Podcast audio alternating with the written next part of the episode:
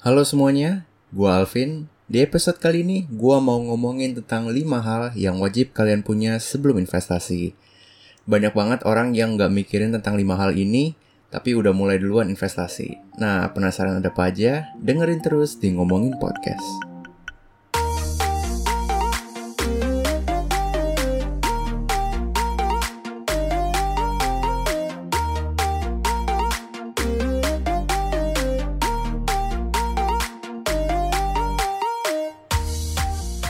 Sebelum kita masuk ke lima hal ini, gue mau ngomongin dulu investasi yang gue maksud di sini bisa macam-macam ya. Bisa investasi saham, investasi reksadana, atau investasi emas, atau investasi properti atau macam-macam lah. Nah, ini tuh lima hal yang wajib kalian punya dulu sebelum kalian terjun ke dunia investasi. Yang nomor satu, yang pertama adalah kalian harus tahu dulu tujuan keuangan kalian tuh apa tujuan kalian investasi saham itu apa, investasi reksadana tuh apa, investasi emas tuh apa. Nah, kalau kalian udah punya tujuannya, itu tuh bakal e, ngegampangin kalian untuk milih instrumennya mau yang mana yang cocok. Misalnya, kalian mau buat e, dana pensiun. Itu kan dana pensiun, e, gue assume kalian di bawah 30 tahun semua ya. Itu kan masih lama ya kalau misalnya kita masih umur 20-an tahun. Nah, cocoknya buat yang investasi jangka panjang tuh apa? apakah saham, apakah reksadana, atau emas, atau deposito gitu kan. Nah, jadi maksud gue tujuan keuangan di sini tuh kalian harus spesifik dulu. Nah, bisa jadi kalau tujuan keuangan kalian beda, instrumennya juga beda nih. Misalnya, yang tadi gue bilang, dana pensiun itu kan masih lama. Ya, dana pensiun masih lama berarti kalian bisa taruh itu di instrumen yang uh, bisa dibilang resikonya lebih tinggi, tapi menawarkan uh, return yang lebih tinggi juga. Misalnya saham, atau reksadana saham atau apa pun lah yang sifatnya uh, jangka panjang. Tapi beda hal kalau misalnya kalian buat uh, misalkan kalian mau S2 di mana S2 itu uh, butuh biaya yang lumayan dan waktunya um, satu tahun dari sekarang. Jadi satu tahun ke depan kalian bakal masuk S2 dan butuh dana sekian. Nah kalau butuh dananya cuma setahun, berarti gue nggak akan merekomendasikan ke saham karena resikonya sangat tinggi sekali. Di mana kita tahu saham itu volatilitasnya tuh tinggi banget, bisa naik dan turun dalam waktu hitungan hari, bahkan jam gitu kan. Nah kalau misalnya waktunya cuma uh, satu tahun, dua tahun, saran gue sih lebih baik ditaruh ke deposito aja atau ke surat utang kayak gitu, yang lebih aman lah, nggak terlalu nggak terlalu beresiko. Uh, walaupun emang kalau deposito itu uh, returnnya nggak terlalu tinggi tapi yang penting yang kalian cari di sini tuh uh, lebih aman. Karena cuma setahun kan jangka waktunya gitu. Kalau misalnya jangka waktunya lama ya bisa ke saham yang lebih beresiko gitu. Nah itu yang pertama. Dari yang pertama itu bakal masuk ke yang kedua yaitu kalian harus punya dulu mindset yang benar. Mindset yang benar di sini maksud gue adalah uh, eh, gue mau nekenin bahwa yang namanya investasi itu bukan cara cepat untuk kaya karena banyak banget teman gue yang bilang e, eh, gue mau investasi deh yang penting gimana caranya gue bisa cepat kaya. Nah itu tuh salah banget. Justru menurut gue investasi itu e, kita butuh waktu untuk mencapai sesuatu yang dibilang kaya itu. Dan waktu itu sebenarnya adalah teman terbaiknya investor gitu. Nggak ada yang instan di bagian investasi. Kalaupun kalian mau cepat kaya saran gue sih jangan ke investasi. Mending uh, ya lu bisnis kayak atau apa kayak yang benar-benar bisa menghasilkan uang dengan cepat. Bahkan dibilang bisnis menghasilkan uang yang cepat juga menurut gua nggak terlalu tepat sih. Karena yang namanya bisnis juga pasti butuh proses kan, butuh belajar. Nah ini juga yang e, keinginan belajar ini yang bakal masuk ke poin nomor tiga. Poin nomor tiga adalah kalian harus punya keinginan untuk belajar. Maksudnya keinginan untuk belajar ya minimal kalian tahu dulu lah dasar-dasar produk investasi yang mau kalian pakai. Misalnya kalian mau investasi di saham, kalian harus tahu dulu saham itu apa sih. Terus eh, gimana sih cara saham menghasilkan keuntungan, terus resikonya apa aja. Karena yang kita tahu investasi itu bukan cuma ngomongin return ya, bukan cuma ngomongin imbal hasil, tapi juga resiko. Kalau kalian ikutin yang episode sebelumnya tentang ORI 17, itu banyak banget teman gue yang bilang ah uh, kuponnya cuma 6,4% per tahun mending gue saham aja tapi tunggu dulu kalau di ORI 17 kan yang udah sempat gue bilang ya kemarin uh, resikonya tuh sangat kecil sekali karena udah dijamin sama undang-undang.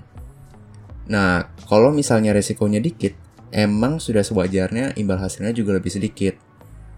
Ya, kalau kalian uh, pernah dengar ada istilah namanya high risk, high return gitu.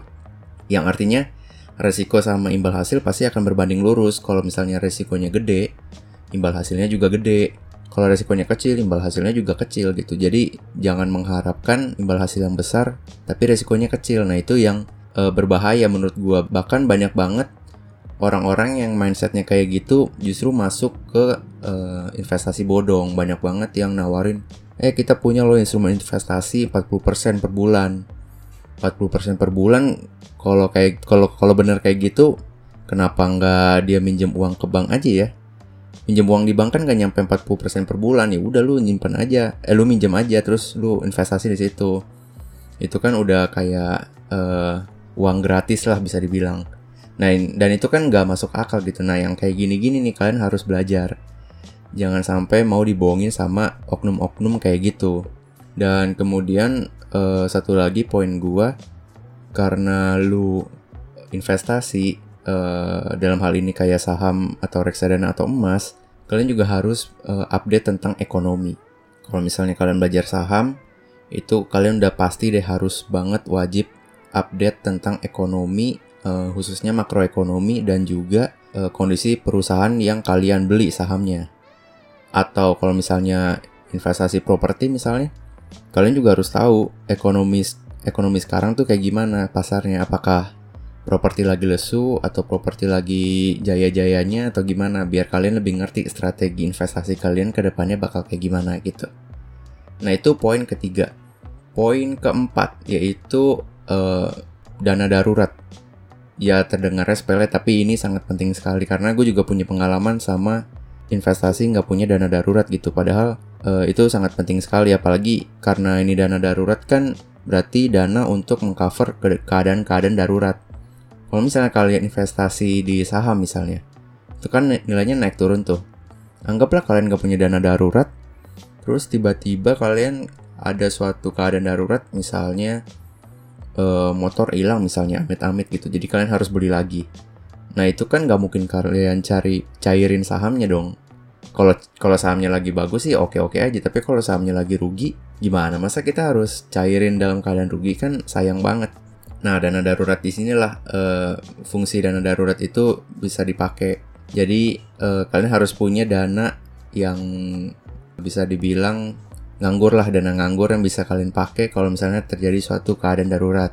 Contohnya yang tadi gue bilang kayak misalnya e, motor hilang, HP hilang, atau kalian ada bisnis trip tapi ketinggalan pesawat, nah kalian bisa pakai dana darurat. Atau e, yang sekarang lagi ngetren, lagi pandemik gini, banyak yang di PHK, pendapatan hilang tapi pengeluaran masih jalan terus, nah itu udah bisa pakai dana darurat. Gitu. Itu uh, singkatnya sih kalau kalian butuh penjelasan lebih lanjut tentang dana darurat kasih tahu gue aja di Instagram. Ntar gue bakal bikin episode khusus tentang dana darurat lebih dalam lagi daripada ini. Itu keempat dana darurat. Tadi kita udah ngomongin yang pertama tujuan keuangan dulu yang kedua mindset yang ketiga itu keinginan untuk belajar yang keempat dana darurat dan yang kelima dan yang bisa dibilang orang masih banyak yang belum aware tentang ini yaitu asuransi kesehatan Sebenarnya konsepnya sama kayak dana darurat. Kalau suatu saat, suatu saat kalian tiba-tiba sakit, terus gak punya dana nganggur buat bayar tagihannya itu gimana gitu? Masa cairin aset investasi kalian gitu? Nah itulah gunanya asuransi kesehatan untuk mencegah uh, suatu saat misalnya kalian sakit, udah ada yang mengcover tagihan kesehatan kalian, yaitu dari perusahaan asuransi itu. Nah banyak juga yang uh, mikir kalau beli asuransi kesehatan tuh gak untung kalau kalian gak sakit. Menurut gue itu salah banget ya. Maksud gue asuransi kesehatan itu justru buat mencegah kalian uh, supaya tidak bangkrut istilahnya kalau tiba-tiba sakit keras gitu. Kalau misalnya nggak sakit keras gimana? Berarti rugi dong? Ya nggak juga. Kalau misalnya kalian sehat-sehat aja ya itu bagus kan. Itu cuma mencegah aja. Ibaratnya kalian beli payung nih. Kalau nggak hujan terus rugi gitu. Ya enggak lah. Itu kan cuma jaga-jaga doang gitu maksud gue. Jadi jangan dianggap kayak gitulah, jangan dibilang untung rugi karena yang namanya asuransi kesehatan itu uh, sifatnya proteksi bukan mencari keuntungan. Gitu. Itu aja sih yang bisa gue sampaikan untuk episode hari ini. Hmm, gue recap lagi. Jadi ada 5 poin yang kalian harus punya. Gue saranin kalian harus punya ini dulu. Yang pertama itu tujuan keuangan. Tulis dulu tujuan keuangan kalian apa, apa yang mau kalian capai Baru dari situ kalian bisa nentuin instrumen apa yang cocok buat uh, mencapai tujuan keuangan kalian. Terus yang kedua itu mindset. Mindset yang benar ini wajib banget supaya kalian gak terjebak di uh, investasi bodong. Yang ketiga, keinginan untuk belajar biar kalian lebih update lagi sama berita-berita yang sekarang ada. Yang keempat, dana darurat untuk mencegah sesuatu sesuatu yang darurat sifatnya. Yang terakhir adalah asuransi kesehatan. Nah, itu aja yang bisa gue sampaikan untuk hari ini. Kalau kalian suka sama episode hari ini, tolong di-share ke Instagram kalian dan tag gue juga, at alvin underscore supaya gue lebih semangat lagi bikin konten kayak gini untuk episode-episode selanjutnya. That's it for today's episode, sampai ketemu lagi di episode selanjutnya. Bye!